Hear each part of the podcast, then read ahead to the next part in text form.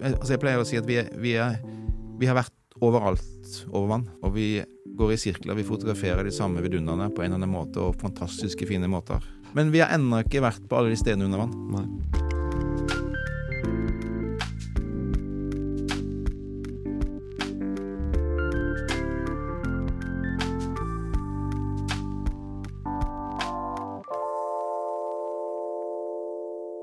Hei og velkommen til en ny episode av Fotopodden. Kjære seere, kjære ørevenner. I dag har vi fått besøk av Alexander Nordahl, som er undervannsfotograf og fridykker, i tillegg til mye annet. Journalist, fotojournalist, krigsreporter har du vært. Velkommen, Alexander. Tusen takk. I dag skal vi snakke litt om undervannsfoto. Hva man bør gjøre, hva man ikke bør gjøre, hva man trenger, hva man ikke trenger, og hvordan man ter seg, hva som er fordelen med å gjøre det med luft, hva som er fordelen uten luft. Litt sånne ting. Kan du begynne litt med hva som gjorde at du havna oppi dette her? Jeg har jo alltid vært en, eh, et havmenneske.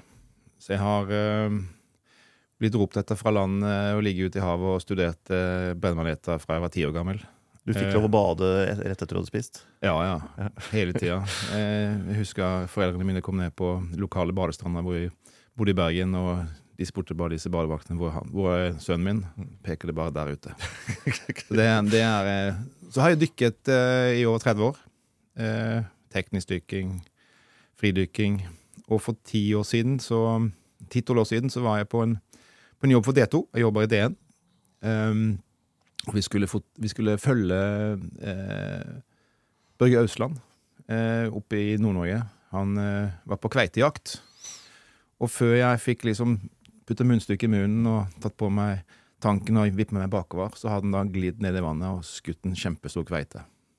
Det bildet jeg, altså gikk jeg glipp av. Eh, fordi at jeg hadde på meg eh, vanlig stort eh, tørrdrakt og luft og sånn. ikke sant? Alt tok litt tid. Eh, og da bestemte jeg meg for at det bildet det gidder jeg ikke å gå glipp av en gang til. Så da begynte jeg å fridykke igjen.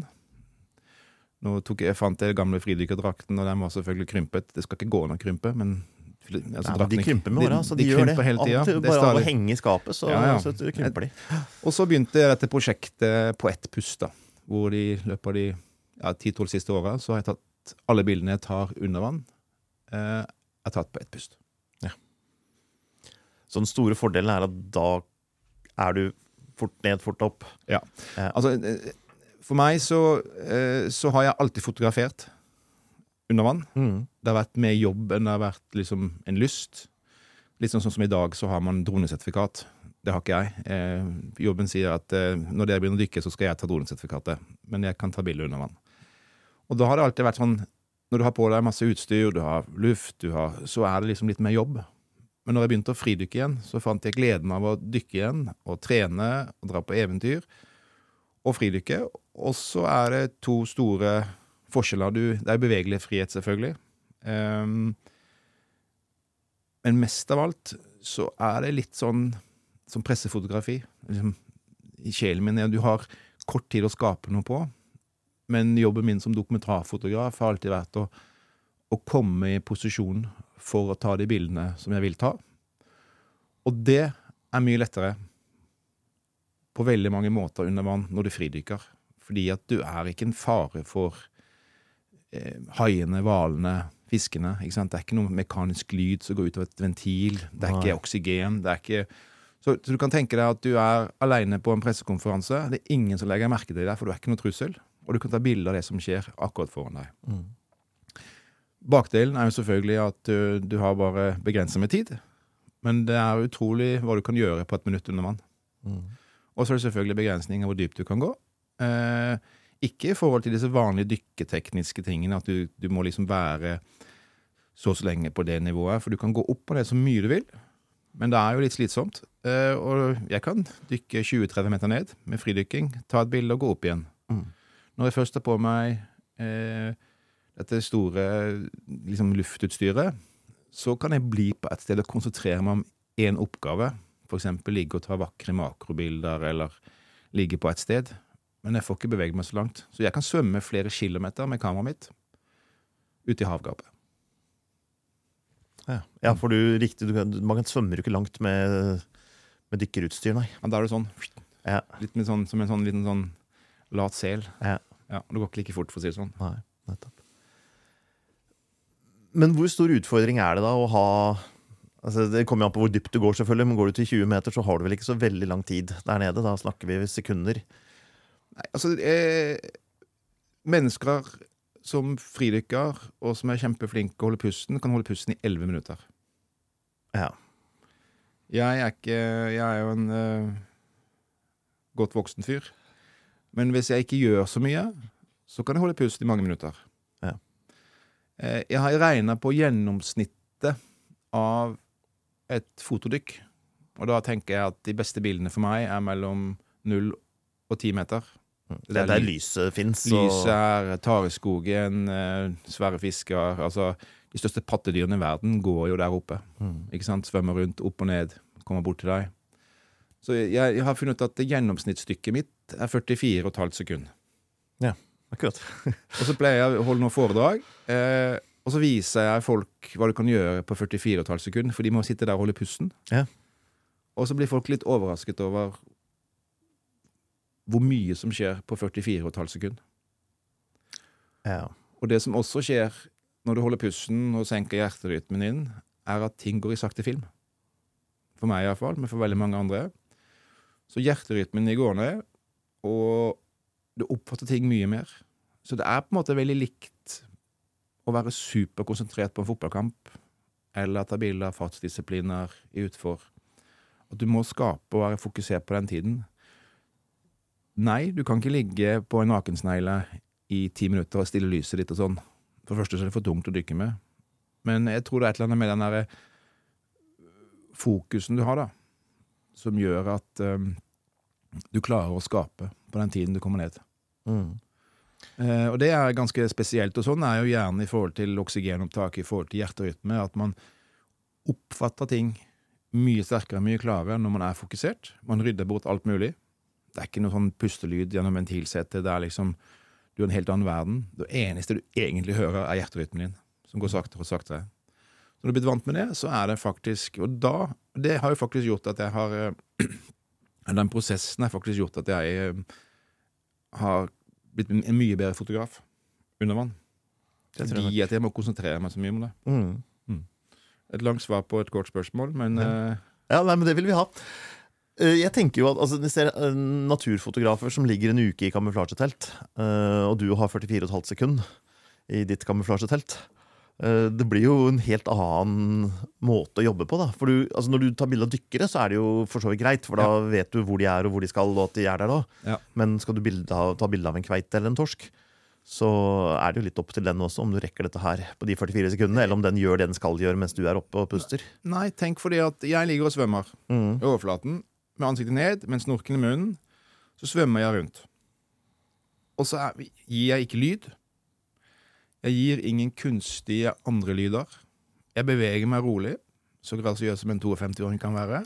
Ikke sant? Altså, og så hvis du etter hvert bruker Så du kan tenke deg faktisk at jeg svømmer rundt i mitt eget kamuflasjetelt.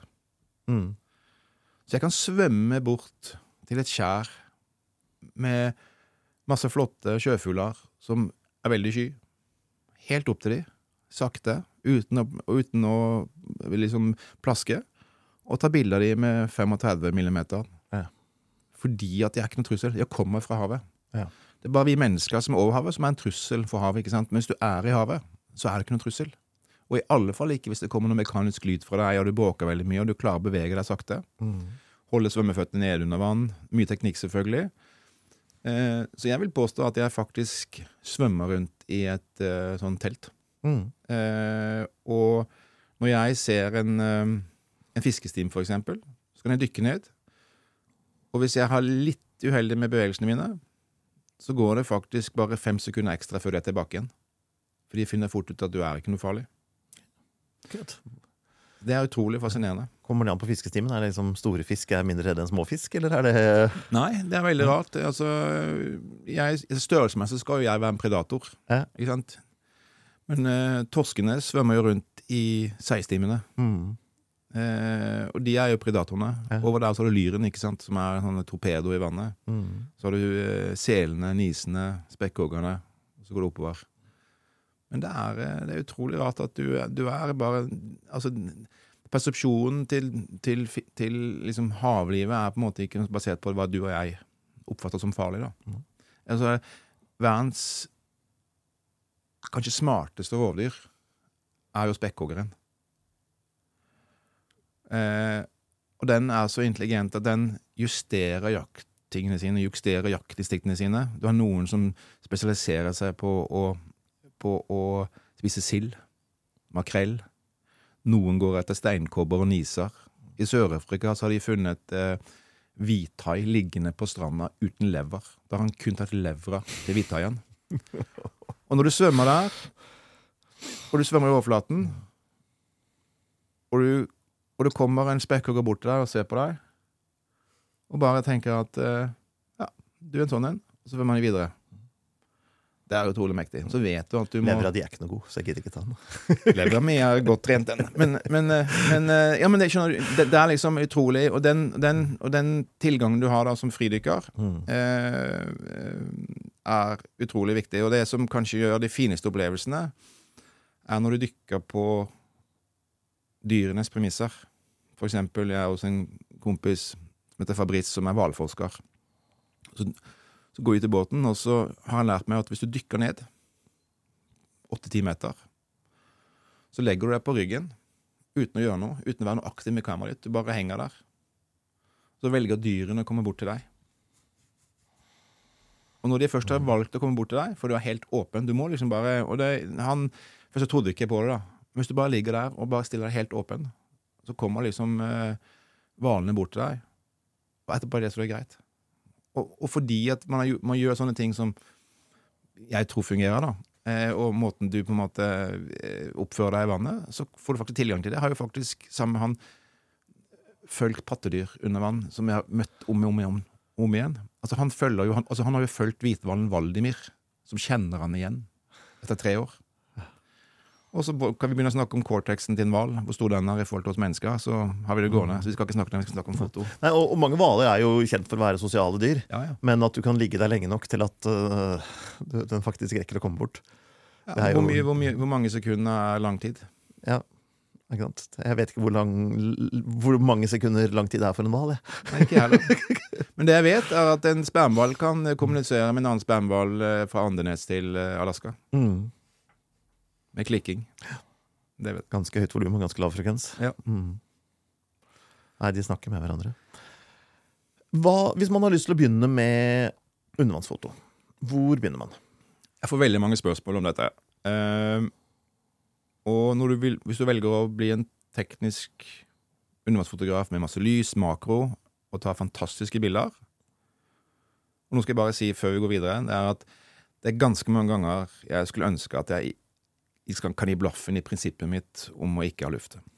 Eh, bare, men jeg har gitt fra meg utstyret. Så jeg, jeg syns jo makrofoto og undervannsfoto og hva du kan gjøre med svære lysrygger og luft, er superkult. Jeg kommer jo ikke inn i hula mer, jeg kan jo ikke dykke i grotta, jeg kan jo ikke dykke dypt. ikke sant? Mange begrensninger, men greit nok. Og du dykker ikke med lys. Eh, jeg bruker noe lys eh, når jeg fridykker. Det er eh, ofte videolys. Mm. Eh, men det som skjer ofte, spesielt i Norge, er at det er mye partikler i vannet. Ikke sant? Og da, hvis du ikke du klarer å sette lysene kjempelangt på hver, 45 grader på hver side, Mm. eller langt over, og, så skal jeg dykke ned med kamera, da. For egen maskin. Det er ikke noe, så det, det er liksom en sånn mye større greie, da. Mm. Og så syns jeg faktisk at den, det lyset du klarer å fange på de ti første meterne, er det fineste. Så må du selvfølgelig jobbe litt med bildene og sånn, da. Eh, men, eh, men lyset forsvinner jo. Mm. Eh, hvis du skal begynne med undervannsfoto Jeg får det spørsmålet ganske mange ganger. Eh, de har lyst å begynne å dykke eller fridykke for de skal ta bilder. Mm. Så spør de hvilke kamera skal jeg kjøpe. Og så forteller jeg hvilke kamera jeg bruker.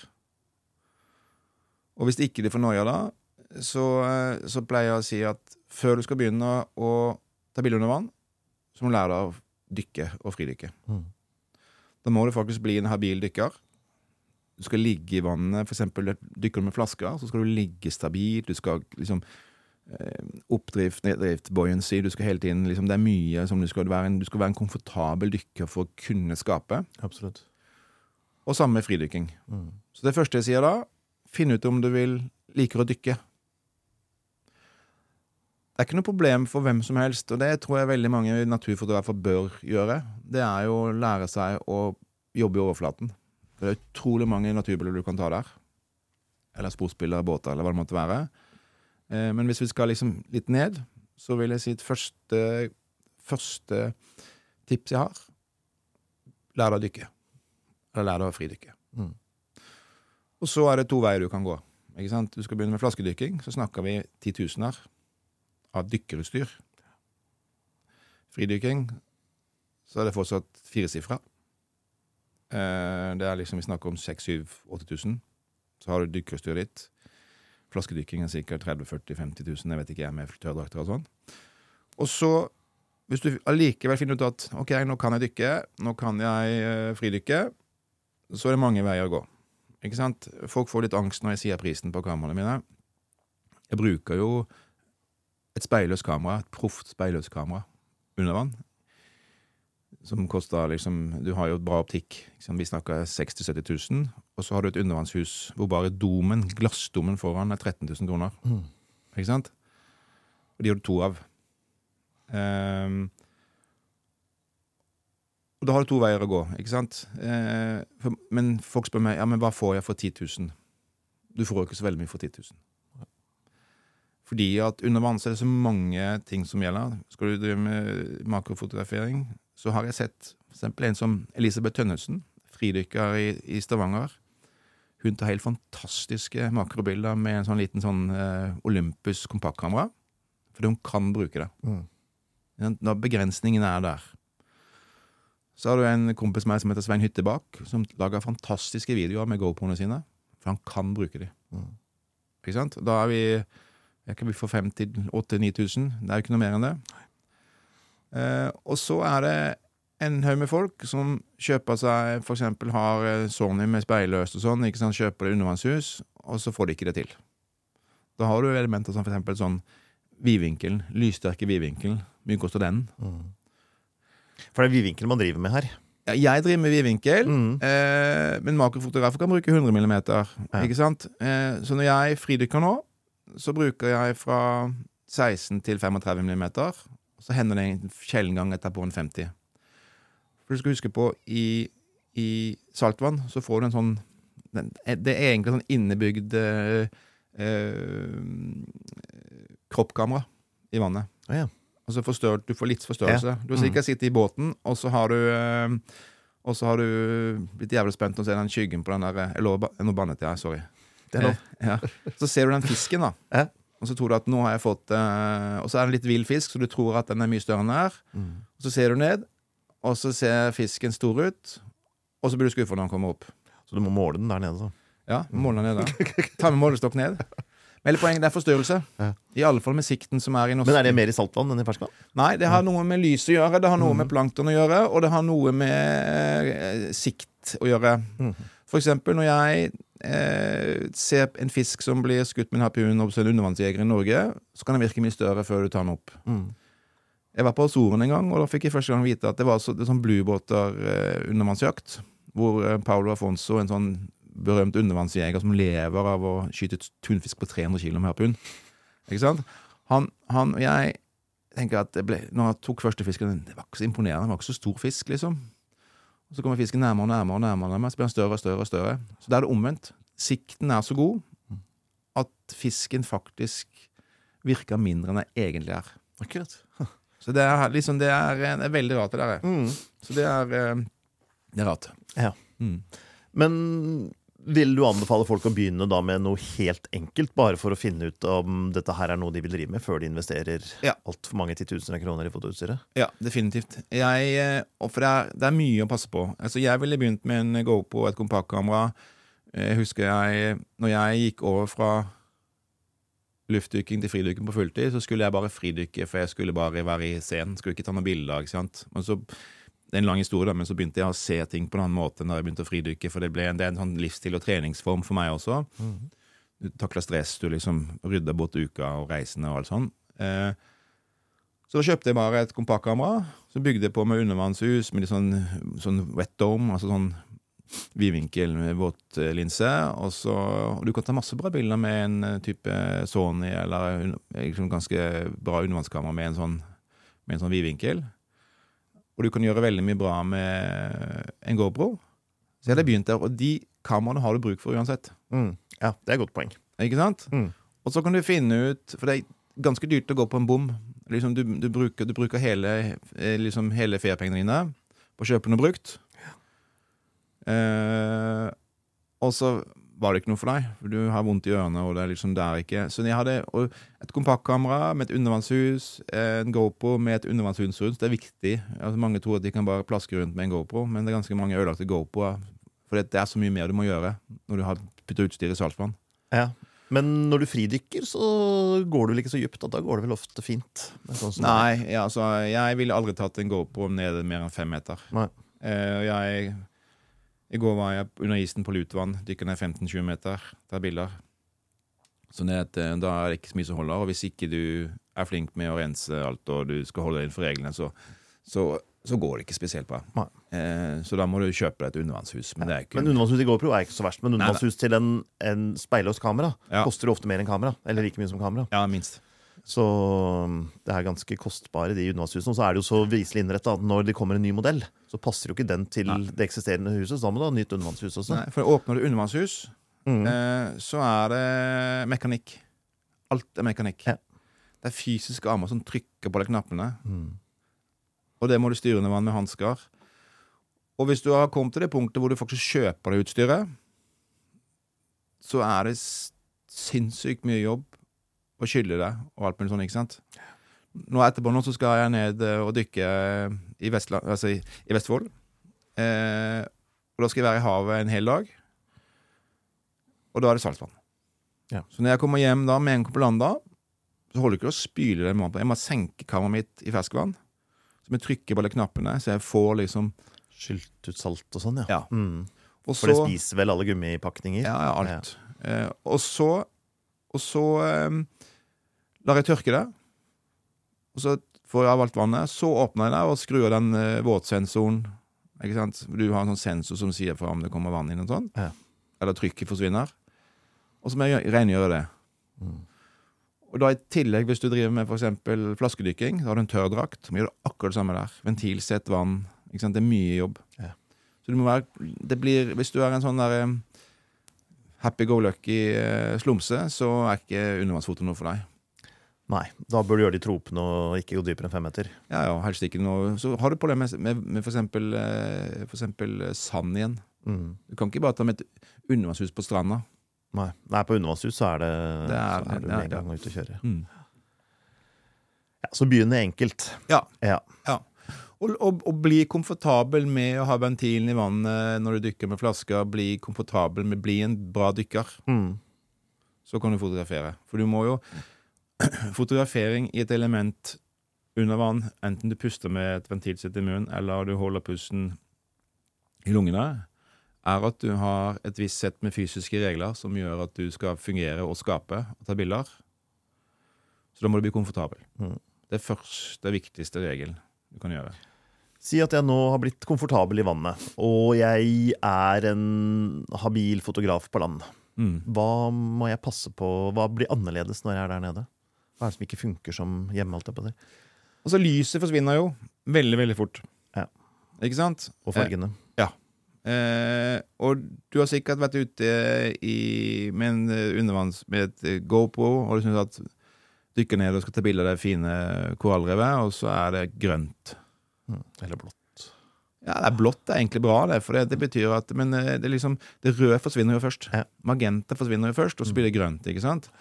Og når du kommer helt ned, så er det ikke noe lys igjen. Da er alt sånn grågrønt.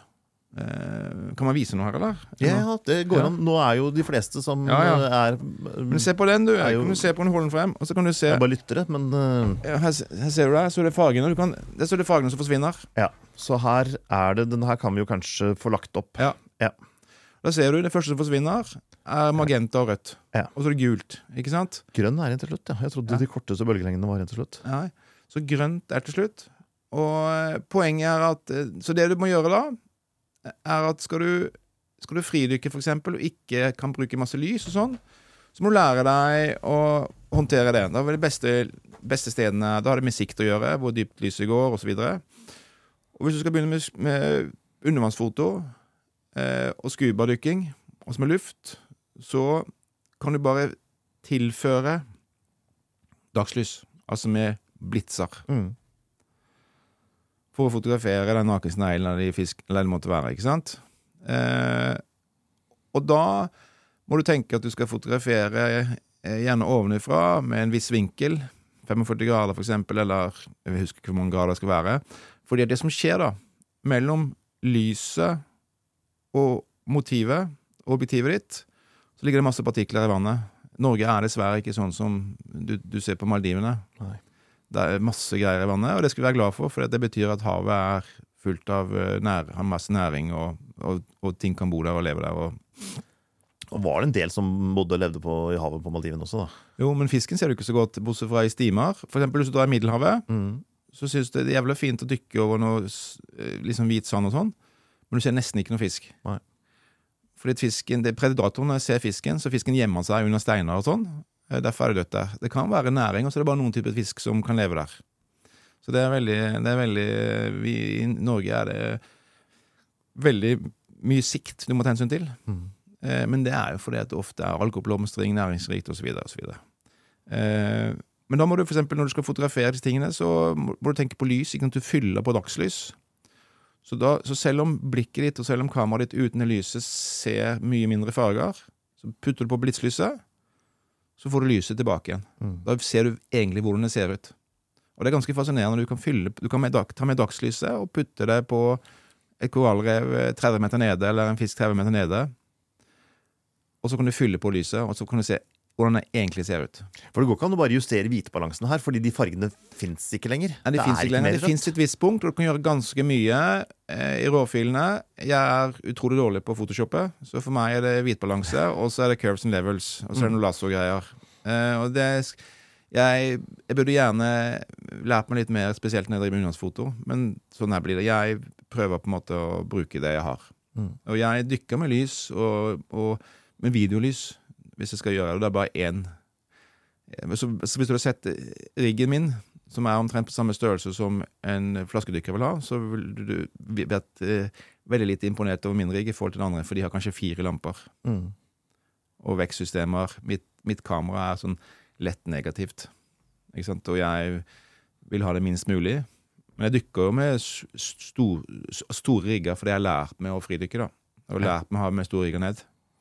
Eh, Men eh, skal du dykke og ta bilde med å bli en teknisk fotograf, og la oss si du er en teknisk naturfotograf, en makrofotograf eller hva det måtte være, og veldig mange naturfotografer er, blir jeg sånn sinnssykt imponert over, for de er så sinnssykt tekniske. Og Hvis du tar med det ned i, i vannet, og hvis du er en flink eh, naturfotograf og, og vil legge samme teknikk til bordet der, så må du ha mye lys og jobbe mye teknisk. Og da kan du ikke fridykke ned. Da har du med deg mye lys ned, og så må du ofte ligge lenge og jobbe. Mm. Det er nesten som at Tenk deg at du jeg tenkte på det i sted på veien hit at eh, jeg er mer en fotojournalist som tar bilde av det som skjer når jeg fridykker. Og du må skape det øyeblikket, og det øyeblikket kommer ikke tilbake. Og hvis du er eh, med flaskedykker og fotograferer makro, eksempel, så er du en utrolig dyktig reklamefotograf som sitter og tar bilde av et produkt hvor lyset skal være perfekt. Mm. Du er utrolig teknisk dyktig. Ja, nettopp. Ja. Eh, og det er eh, liksom hovedforskjellen. Ja. Men det du sa om lyset, at du måtte ha det fra sida. Ja. Eh, forklar mer om det, for det er ikke nødvendigvis helt intuitivt. Nei, det er for eksempel eh, For meg er det La oss si at jeg eh, ser noe vakkert foran meg, og så eh, kan det være så bra sikt at jeg kan ligge så nærme at jeg kan ha et lys rett på. Men hva hvis det er noe mellom deg og objektivet og lyset? Da lyser det opp det. Det er som å ta bilde av snø, ikke sant? Det er kanskje en veldig sånn bra analogi. Ta bilde av snø. Blitser du i snø, Snø, snø som faller. Ja, og av deg så blir det masse hvite prikker. Mm. Det skjer under vann. Mm. Eh, så kan du bruke det, Men midt i, objektiv, midt i motivet så er det ikke så veldig Så veldig, eh, så veldig eh, fint. Så for eksempel mye makrofotografer, de går helt oppi. Det er minst mulig mellom de. Da er det ofte litt uh, mørkt, ikke sant? Så da fyller du på lys fra sidene. Du kan ikke legge det rett over, for der ligger objektivet. Så du må legge det fra sidene. Ja. Styre med sånne armer, da. Mm. Så da får du ikke, da får du ikke Lyset vil ikke da reflekteres i partiklene og rett inn i objektivet. Ja, ja, Rett og slett. Ja, blant annet. Ja. Og så er det selvfølgelig noen som er så superflinke at de kan faktisk sette liksom bouquetlyset på en nakensnegle. Er du i et studio, så har du sjelden lyset rett forfra. Ja, ja. Da, også, da har du fra siden sida. Det er det samme som gjelder her nå, men Mm. det ender med nøye her, da. Ja. Mm. Så man må ha lys, og man må ha Altså man må ha, ha med seg lys, egentlig. Både fordi lyset forsvinner, og fordi fargene blir feil. Ja. Blir det noe Blir fokus et problem? Er Ja, ja. det noe med brytninger og Ja, ja. Eh, Det er også et poeng. Altså, for eksempel når du har et undervannshus, da, eh, så må det glasset som er foran objektivet ditt, må være bua riktig. Det må være den domen, den avstanden som det glasset er mellomringen mellom huset ditt. Tenk at du har La oss si jeg bruker Canon R5, og så fotograferer jeg veldig mye med en 1635 under vann. 2,8 er den største. Det er ganske stort objektiv. Mhm. Da har jeg fra kamerahuset til den domen en mellomring. Og bua på den domen Altså, jeg kan ikke bruke hvilket som helst glass foran der. Det er jo en dom med en bue som er på en måte lagd til, til objektivet ditt. Skal den krumme like mye som frontelementet, eller er det noen sånne Ja, det, ting? det, er over, over mitt hode, da. Men for eksempel når jeg eh, sier til de folka i Maralux, undervannshuset jeg merker bruker, at jeg vil prøve å, å, å fotografere med jeg, hadde, jeg har lyst til å gjøre det enkelt da, på et av husene mine. Så jeg ville fotografere med en sånn 16 mm, sånn RF16, sånn billig enkel optiv. Og så er folk veldig skeptiske. Det er plass, det er liksom sånn. Det er superskarpt under vann. Det er et eller annet som skjer da. Eh, og så sier jeg men jeg vil gjerne ha den minste domen. Altså, det, altså til den. Mm. Da eh, programmerer ingeniøren, og så finner jeg vinkler og sånn, og så får Ja, det kan du bruke. Det er fysikk. Det er fysikk, lysbrytning og fysikk. Ja. Og for eksempel, skal du ta makrobilder, så har du kun Og det, da har begynt å bli dyrt, ikke sant? Altså, det har, du har fire forskjellige domer du kan bruke til ofte husene, i størrelse og diameter, til du kan ha disse Og mange tror at blir skuffet, de skal prøve å ta sånn over-unna-bilde, da. Mm. Da må du ha en kjempesvær dom. Så man har så lang avstand til glasset, så du får den, eh, den eh, linja. Mm. Og da skal du ha pussa glasset også. Ikke sant? Da skal Audun du, Richardsen har jo fått laget seg på en meter i diameter eller noe sånt nå, tror jeg. ikke sant? Eh, jeg husker det første trikset jeg gjorde første gang jeg tok et sånt bilde, så kjøpte jeg bare et akvarium. Som jeg fikk noe til å holde nede. Ja. Så tok jeg bildet over. Så så jeg ned, tok jeg av eh, søkeren og sånn, det var en fem ganger, det var en seks ganger seks kamera, så så jeg bare ned og tok bilder over. Mm. Og så har du det problemet til, eksempel med sånne bilder, er jo at i Norge så er det nesten umulig å ta, for det er eh, lysforskjellene mellom over og under er så sinnssykt store. Det er liksom ikke bare to blendere, det er liksom mye mer ja, nettopp. eh, i norske farvann. Ja. Så eh, vi er, heldigvis så bor vi ikke på Maldivene, men av og til kunne det være greit å bo på Maldivene. Det er litt deilig noen ganger. Ja, ja. Men ikke hele tida. Riktig. Så da har du ja, så har du utfordringer med, med domene, rett og slett, for at det her skal bli skarpt og riktig. ja eh, avstand til glasset foran. Mm. Eh, og så er det eksempel sånn at eh, eh, de, du har jo en del objektiver som du kan bruke i, i, i det segmentet, og noen f.eks. ytterpunktet Hvis du for fotograferer eh, ytterpunktet på hva du kan fotografere med en dom, du må tenke på det også, så er det ganske stor avstand mellom zoomen. da. Du har zoomen som går inn og ut. ikke sant? Ja. Og hvis du da for eksempel eh, har eh, blender 11 så vil, Og hvis du har litt mye dritt på linsa di, på, på, på, altså på domen din, Ja. Så kan du begynne å fokusere på det istedenfor. Så det er masse ting å tenke på. Riktig. Så det er, det er en del utfordringer her. Ja, du må være Jeg er jo egentlig helt teknisk håpløs. Så jeg, jeg, vil, jeg vil bare Ikke teknisk håpløs, jeg er teknisk interessert. Men jeg kan ikke regne ut grader og vinkler og sånn. Altså, jeg vet hva som fungerer, og så Mm. holder jeg meg til det. Og så er jeg Og så fotograferer jeg under vann som jeg ville gjort over. Alt er manuelt. Jeg vil ha kontroll på alt. Men det er jo tre, altså Nå har jeg vært fotojournalist i 33 år. Ja. Så jeg kan stille lyset ut hvor jeg er, og ISO-en. Uten- Det funker jo nå, også. Ja, Ja. etter hvert. Uten å på en måte eh, bruke lysmåling eller hva som helst. Det vil omtrent sitte. Ja. Så Det har jo noe med at når du først lærer deg å dykke, eller fridykke, så mestrer du det. Så legger du det på den skuldra. Og så begynner du å fotografere, og så kan du fotografere vann, så vet du hva blenderåpning lukka tid er. Legger du det på den skuldra, og så kan du bare konsentrere deg om å fokusere. Da går ting automatisk, ja. Mm. Så du bør jo helst lære deg å fotografere også før du skal ta undervannsfoto. Ja, jeg tenker det. Man bør kunne både dykke og Ja, ja. fotografere. Ja. For det er, det er en ny gren. Jeg har fotografert i mange år, og jeg har eh, for så vidt dykket i mange år, men ikke veldig mye. Nei. Men det er først i senere dykken at jeg har følt at jeg kunne ta med kameraet ned. egentlig. Ja, Og ja. ikke nødvendigvis jeg får så fantastiske ting ut av det, men jeg trenger ikke tenke på dykketeknikken lenger. Nei. Og det er først da jeg egentlig er komfortabel med å, å ha med et kamera. Og så er det noe med at eh, 70% av jordkloden er jo hav. Og havet er tredimensjonalt. Ja. Bakken er bare todimensjonal. Ikke sant? Og så er vi jævlig mange mennesker på land. Og så begynner stedene eller Hvis det holder til naturfoto, da. Stedene vi er på, er ofte de samme. Vi ser jo til og med det samme treet på bilder fra Afrika, på safarier, med de samme pattedyrene. Du kan kjenne igjen trærne. For Mm. der ligger de. Ja, men det kan jeg på noen av dine også, når du var i det der eh, oversvømte dalen. Ja, ja. Oppe i nord? Ja, ja. Alle de trærne har jeg sett før. Ja, ikke sant? Ja, ja. Men ikke, det her blir ikke en leopard der. Jeg skulle gjerne hatt det. Men hele poenget, hele poenget er at Men jeg har så, mange, jeg har så mye mer valg. Mm. Og jeg kan være aleine, og jeg kan være i naturen. Så du trenger faktisk ikke å dykke for å drive med ungdomsfoto. Nei. Altså det å bare svømme langs land i en våtdrakt eller en fridykkerdrakt, og være havfotograf Så kan du fotografere naturen på en helt annen måte. Ja. Så det er liksom en utfordring at du eh, OK, vi er, det er ganske støkk. Altså, det er ingen som eh, OK, det er veldig behagelig noe Nei, jeg skal ikke skulle til å si noe som ville sikkert Som, som ville sikkert um, Provoser, kom igjen! Nei, men, men altså Hvor mye i naturen er du når du fotograferer et sted hvor du setter opp fint lys, og det er noen sånne dyr som hopper opp og ned på samme sted, og det er perfekt lys? Hvor, hvor, altså, hvor stor naturopplevelse er det?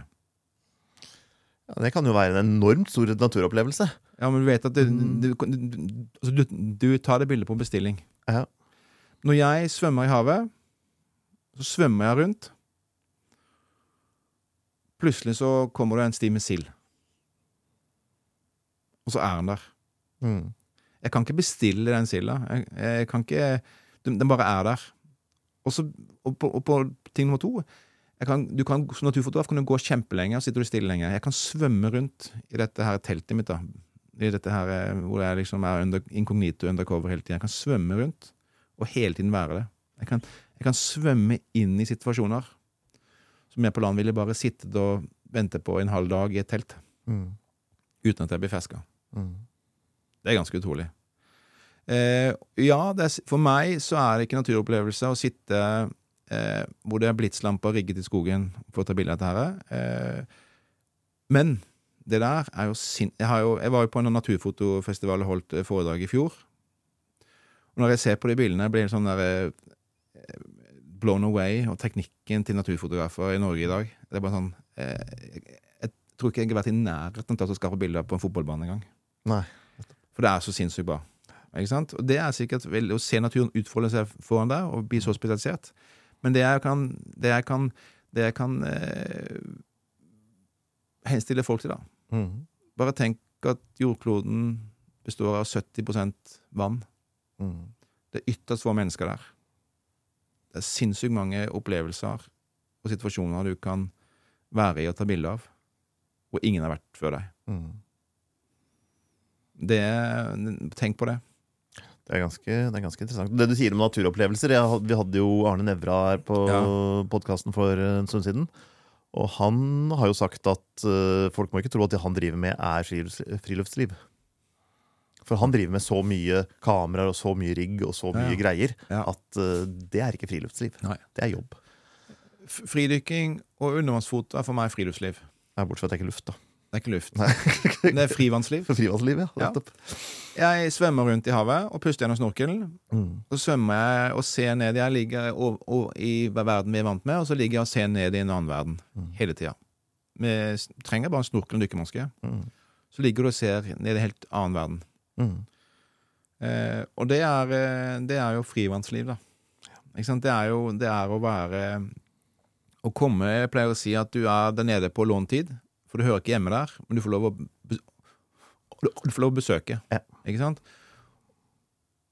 Og jeg tror de siste, de siste eh, oppdagelsene i verden vi vil få, og som vi alltid vil få, er fra havet. Mm. Eh, og det er jo i dypene, eller det kommer opp eh, Nå så jeg noen hadde fotografert Hadde bada på en av disse badstuebåtene nå. Ja. Jeg så på, på sosiale medier i går. Og så står de og poserer, og så ser, jeg, så ser de et eller annet som beveger seg i Oslofjorden. De tror det var en spekkhogger, jeg tror det var en brugde. Jeg vet ikke. Vi får se når andre folk ser det. Mm. Plutselig så kommer det opp en ganske stor finne utenfor badstua di. Ikke sant? Det er surprise, surprise. Ja. Og så er det dessverre veldig mye bad surprises i havet også, da. ikke sant? For det vi ikke ser, det tar vi ikke vare på. Nei. Så det har jeg begynt å gjøre nå. Jeg svømmer rundt, og så tar jeg bilder av og prøver å vise folk eh, hva er det vi sørger for eh, skjer med havet, for vi ser ikke hva som foregår der. Så vi blir veldig indignert når vi går inn i et skogren vi har vært i, og noen har kjørt en traktor gjennom og tatt alle trærne vi ikke rydda skikkelig opp, eller at de er forsøpla eller kaster kulegrillen der, eller engangsgrillen. Mm. Det ser vi. Det er mye rart du finner på bunnen av Oslofjorden, altså. Ja, men du ser ikke det. Nei. Altså, du ser ikke hva som er i havet. Du Nei. ser ikke hva du ødelegger. Ikke før du går ned. Så derfor henstiller jeg folk til å faktisk bruke litt mer tid. Kjøpe seg en dykkermaske og en snorkel, og så se litt i vannet. Og så kan du ta, bare ta med en gåpå og så kan du se hva vi har stelt i stand også. Så det er, eh, det er en, vi, jeg, altså jeg pleier å si at vi, er- vi, er, vi har vært overalt over vann. Mm. Og vi går i sirkler. Vi fotograferer de samme vidunderne på en eller annen måte, og fantastiske, fine måter. Du kan, det er sikkert nye måter å ta bilde av Taj Mahal og Himalaya på ennå. Mm, Kanskje. Kanskje. Ja, men det kan være det. Ja. Men vi har ennå ikke vært på alle de stedene under vann. Nei, jeg så bare for noen dager siden så fotograferte de en fisk på Altså nedenfor 8 km. Mm. Dypere enn 8 km. Mm. Og der er det da fortsatt fisk av og til. Mm. Mm. Så til og med fisk som har medbrakt lys. Ja, ikke sant? Du har jo sånne med lokkeantenner på og Ja, sånn. Ja. Det er ikke så ofte du går så dypt, da. Nei. Nei. Jeg, drø men jeg drømmer om å jeg har, Drømmene mine på nettene er eh, å, å svømme under vann uten å måtte komme opp igjen. Mm. Det er, alle, vi, alle, altså vi alle har hatt de drømmene om at vi kan fly, ikke sant? Eh, og det er jo en av hoved... Når jeg er blitt såpass god på fridykke, da. For eksempel nå er jeg og fotograferer lutvann veldig mye. Det er liksom eh, Når jeg får abstinenser, og Oslofjorden er ikke like fin Mm. som andre steder, så går jeg inn i skogen, eh, og så går jeg inn til lutvann, og så svømmer jeg fridykker rundt til lutvann. Året rundt. Under isen. Eh, I høst, vår, sommer. Og det å være på ett sted og bare se naturen forandre seg under vann Mm. Det er litt som årstiden over vann. Ja, På mange måter så er det, men Mm. på litt annen måte. Ja. Og det er utrolig fint. Og, det, og, det, og for meg, da, så er jo det å fridykke er jo Når du har passert middagshøyden, da, blitt en voksen fyr, eh, så pleier jeg å si at uh, vi har alle hatt en sånn drøm hvor vi, hvor vi Jeg tror alle har hatt en drøm hvor de faktisk svever og flyr i søvne. Mm. Jeg kler på meg en drakt, og så dykker jeg ned, og så svever jeg. Mm.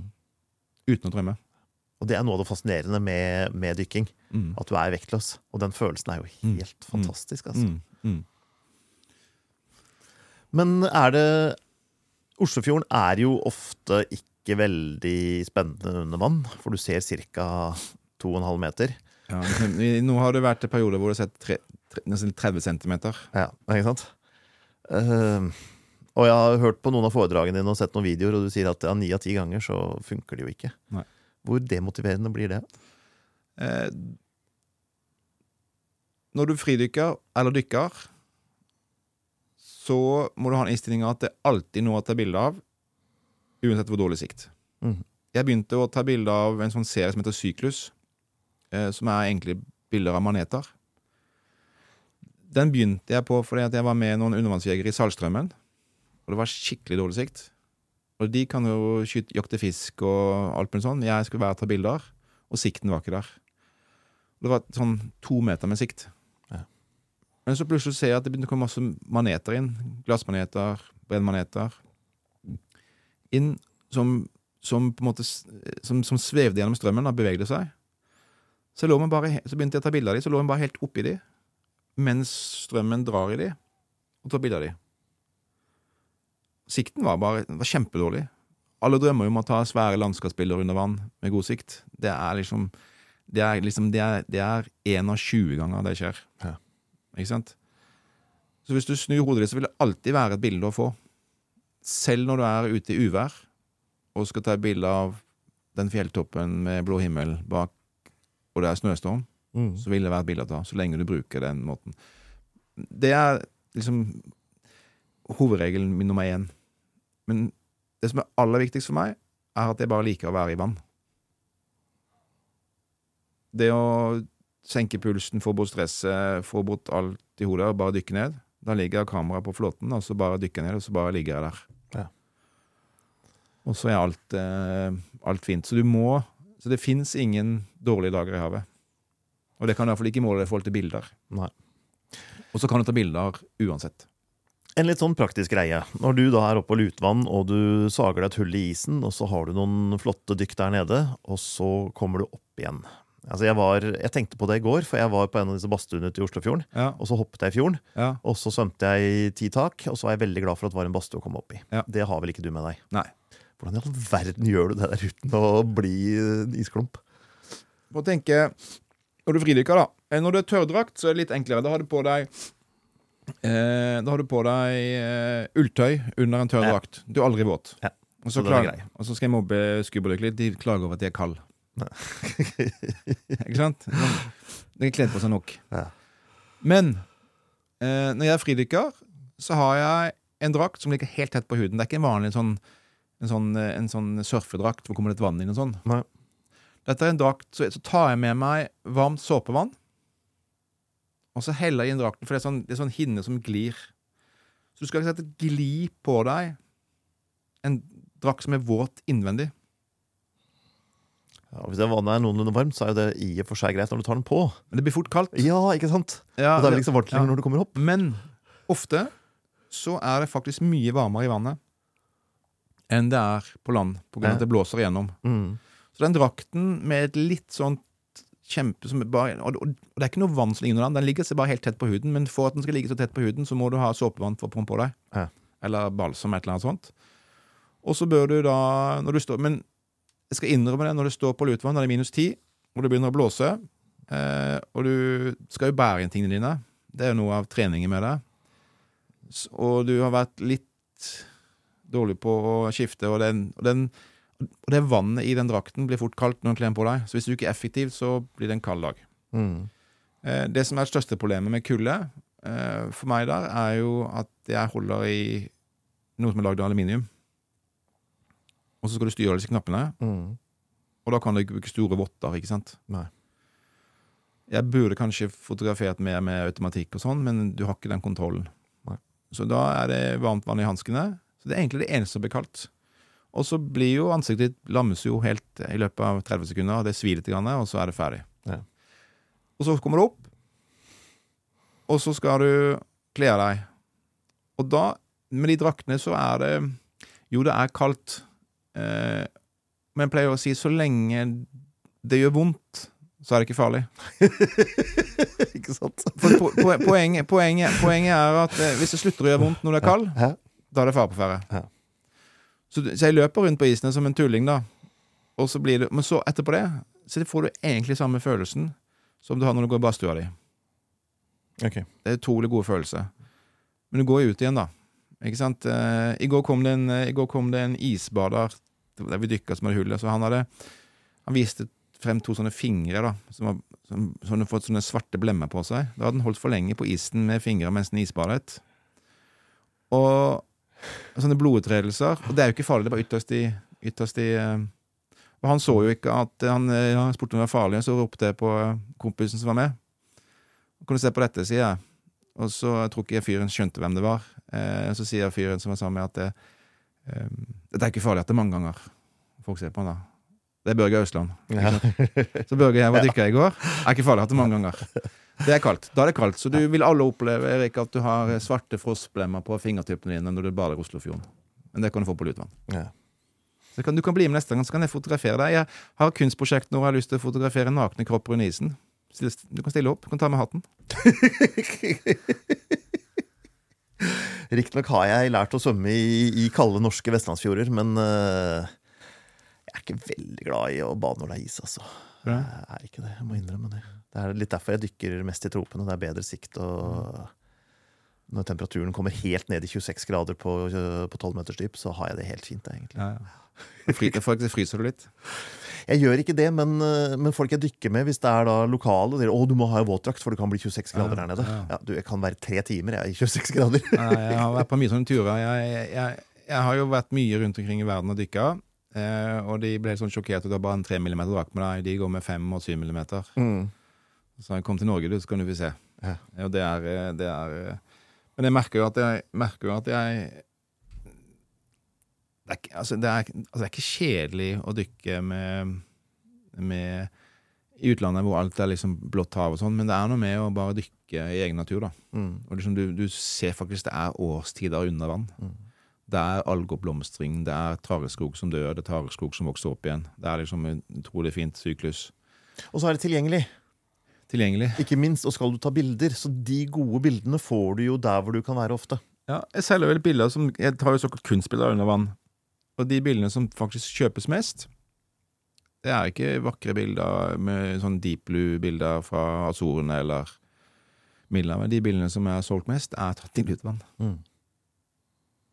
Og nå har jeg en eh, utstilling til i, som begynner i, eh, i mai, og det er bare tareskog. Altså bare Ikke noe dykkere. Jeg har jo gått Det er ikke ofte jeg tar bilde av dykkere, men det, altså det her begynte jo med å ta bilde av mennesker under vann. Og så begynner du å se forbi de menneskene, og så er det ok, du kan ta Supermann-bilder av Men det er grenser hvor mye bilder du kan ta. Og så begynner du å se på lyset, og se på ting forandre seg. Og jeg tenker mange av de eh, eh, For å si det sånn, hvis noen hadde sagt til meg som skikkelig eh, høy og mørk eh, 30 år gammel fotojournalist som reiste ut i verden og var på VM i fotball og eh, en eller annen katastrofe og bare syntes at det, det å skape noe som var viktig, var veldig viktig. Og så leser du en eller annen bok om eh, intervju med en tidligere pressefotograf som er plutselig blitt naturfotograf, går rundt i, Kent eller med, med regnjakken sin og fotograferer eh, svart-hvitt i solnedganger, eller hva det måtte være. Nå er det 52, så nå går jeg med kameraet inn til Lutvann og svømmer rundt og tar bilder av trær og løv i stedet. Og så, og så. Det er liksom sånn det er blitt. Men jeg tror faktisk det er noe med at du faktisk ser mye. Du blir vant med å være i en situasjon hvor du faktisk ser ting forandre seg. Du Men, men hva er det med, med lutvann? Altså, Ferskvann er jo stort sett litt sånn dødt og kjedelig, bortsett fra da denne oversvømte dalen der oppe. Ja, der har jeg bare vært eh, tre-fire ganger. Altså, Ja. det er, For det er jo havet, det er vegetasjon, og det er havet, det er fisk, og det er havet men, eh, ting skjer, holdt jeg på å si. Altså Lutvann har jo blitt en sånn øh, øh, Først var det abstinens. øh, liksom Jeg savnet å dykke noe hit, og så savnet jeg at det var dårlig At det var god sikt. Det er det nesten aldri i Oslofjorden. Nei. Så De da gangene jeg dykker i Oslofjorden, så holder jeg enten et fridykkerkurs for klubben min, eller så plukker jeg søppel med klubben. Da, da liksom jeg er i Oslofjorden. Eh, Lutvann er ganske klart vann. Det er gamle drikkevannskilden til Oslo. Og så er den veldig dyp, i motsetning til veldig mange andre ferskvann, Ja. som er mye rundt. Da får du det brune laget. Ja. Så det er en gammel drikkevannskilde. Mm. Og så er det på det dypeste punktet 54 meter. Og så er det faktisk, hvis du bare bruker øya og beveger deg Det er enda mer utfordrende å ta bilder av eh, fisk, for eksempel, og natur i ferskvann enn det er i sjøen. Mm. Fordi at det er mye mindre trafikk der. Ja. Ikke sant? Eh, Så det er på en måte litt for viderekommende. Ja, men eh, hvis du bare svømmer deg en tur, det er også fint å se det. Liksom, du har, jeg har jo en serie som heter Fallen, hvor, hvor høststormene har eh, rivd opp kjempestore trær som står i den kløften rundt Lutvann, og bare, de har, de har liksom falt ned i Lutvann, og så ligger det der. Og så ligger det et tre der kanskje med, med, med løv på, og så svømmer du tilbake, så ligger det svære trær ut, som på en måte du får ta tilbake igjen, og så ser du at det visner, og så tar du bild- stelbenbilder av ting som er visnet, men allikevel er vakkert. da. Mm. Så det blir en sånn syklus der også, da. Det blir trærne, løvet som dykker ned, så blir det til Etter en kjempelang prosess, da, blir det til eh, metangass. Tilbake til naturen, så kommer det metangassbobler opp som jeg fotograferer under isen. Ja. Mm. Ikke sant? ja, for de blir liggende under der. Ja. Under isen så fotograferer jeg de. Og så har du hele tiden så, Og dette blir jo da eh, næring til fisk, eller til, måtte være, eller til utrolig vakre gressene som vokser der. Ikke sant? Så det er, det er eh, Du må bare Jeg tror faktisk du kan lage foto- og naturprosjekter og naturfotoprosjekter av alt. Mm. Altså bare det å altså, altså det vokser ting hvis du bare ser. Og det er det vi gjør med kamera. Hvis du bare tillater deg å se, og bruker tid til å se. Mm. Du har sikkert sett eh, Husker du da jeg var yngre, jeg bare så en gammel fyr eller gammel dame stå med hendene på ryggen og se på noe lenge. Tenker du faen, har han han gått seg bort, eller hva er det for noe? Mm. Men jeg tror egentlig de bare ser, ja. Og det er det vi som fotografer kan gjøre. Vi faktisk ser. Det er det som er jobben vår, egentlig. Ja, ja. Mm. Og så ha tid til å se. Ja. Og se forbi de der kjappe bildene. Når jeg tar bilde av et menneske som fridykker under isen, som ikke er så interessant mer, bortsett fra et minne av en kompis som, tar, en- dykker, eller eh, bare fyller ut noe. Men hvis du virkelig ser I går så, det, så lagde vi et hull i isen. Så var det kjempefint lys, og så en av de to hullene ganske lite. Og så bare ser du lyset treffe bånda nede, hvor det ligger egentlig i utgangspunktet veldig kjedelig. Eh, en grå hinne av eh, mudder, eller hva det måtte være. Og der ligger det flere sånne trær som er falt ned over dem som et sånn mønster. Så så du bare lyset komme ned der. Altså, altså Et finere stillbandbilde fins ikke. De fineste stillbindbildene jeg har tatt av natur, har jeg tatt under vann. Eh, så det er veldig mye altså, jeg tror den der Nettsiden min den, den blir mer og mer stillbindbilder under vann, og, litt, og mindre og mindre folk. Jeg lurer på om vi skal begynne å runde av. Bare et lite sånn morsomt spørsmål jeg hadde tenkt å stille deg. På noen av disse foredragene så har du snakket om at du, når du har filmet eller fotografert jegere under vann, Mm. at du aldri får harpunen som går. Pila som går fra harpunen. Funker det bedre nå? Nå høres det ut som du har eksempel en Canon R5, hvor du kan ta forferdelig mange bilder i sekundet. Er det lettere? Funker det da? Eller får du det fortsatt ikke? Ja, jo, jeg har klart det, Ja. men det er ikke det, det feteste bildet. Nei. Er det en jakt du driver med, å prøve å få det, eller har du slutta å ta sånne Slutt, slutt med det. Eh, når jeg, eh, sist gang så når jeg, jeg er veldig mye med undervannsjegere ute, men det er fordi at de svømmer lange avstander i havet og er ute der jeg vil være. Ja. Og, og da er jeg sammen med de. Mm. Og så er det veldig fint. De får bilder av meg, jeg tar noen bilder av de med fisken, eller måtte være, og så får jeg fisk av de. Ja, ja, men det er jo en grei deal. Så jeg, ja, altså vi er, jeg reiser med to kompiser. Mm. Svein og Ørjan vi reiser sammen fire-fem ganger i året. De jakter. altså Ørjan eh, jakter hele tida. Svein jakter og filmer. Han er reklamefilmfotograf. Og redigerer. Og så er det meg, da. Så vi er tre sånne gretne gamle gubber på 40. 50 nå, faktisk. Grensa for å være med i klubben var 40 før. Nå er, nå er grensa 52. Ja, ikke sant? Ja, Den vokser med et år for Ja, vi trekker opp stigen etter oss. Ja. Så ingen får være med. Og, så, eh, og da er dealen da, det er bilder og video, eh, og så er det fisk. Ja. Kamskjell og Men jeg kan jo dra i havet og plukke kamskjell og skyte en fisk for å fylle frysen. Mm. Det kan jeg. Det er ikke mye oppdrettsfisk hjemme hos meg, for å si det sånn. Nei, det tror jeg på. Og dette er terapi for deg, like Ja, ja. mye som hobby og Ja, ja, og alt. Og jeg begynte jo å fridykke eh, igjen fordi at det var en fin måte å trene på. Jeg, jeg har jo vært og båret kamerastyr og reist i og masse skader, dårlige skuldre og dårlige knær, sånn som de fleste andre fotojournalister eller pressefotografer har.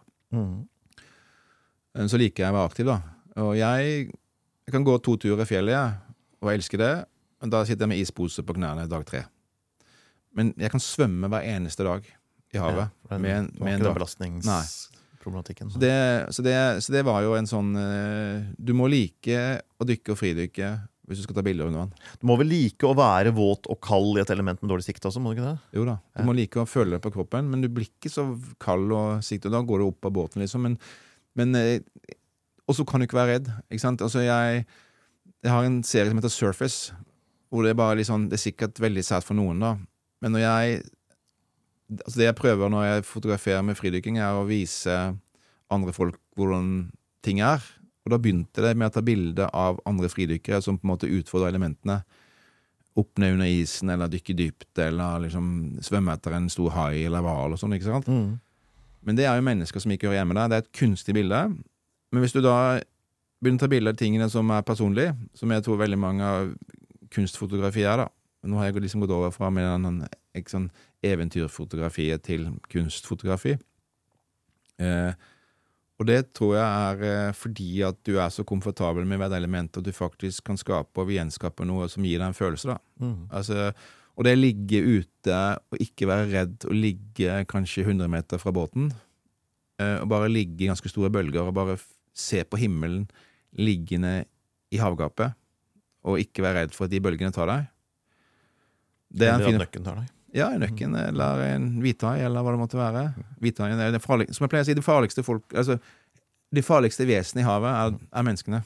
I havet også, ja. Vi er de farligste predatorene Overalt. overalt. Mm. Jeg er mer redd for et menneske i havet med en idiot på en, altså en, idiot eh, på en båt enn jeg er for en hvithai.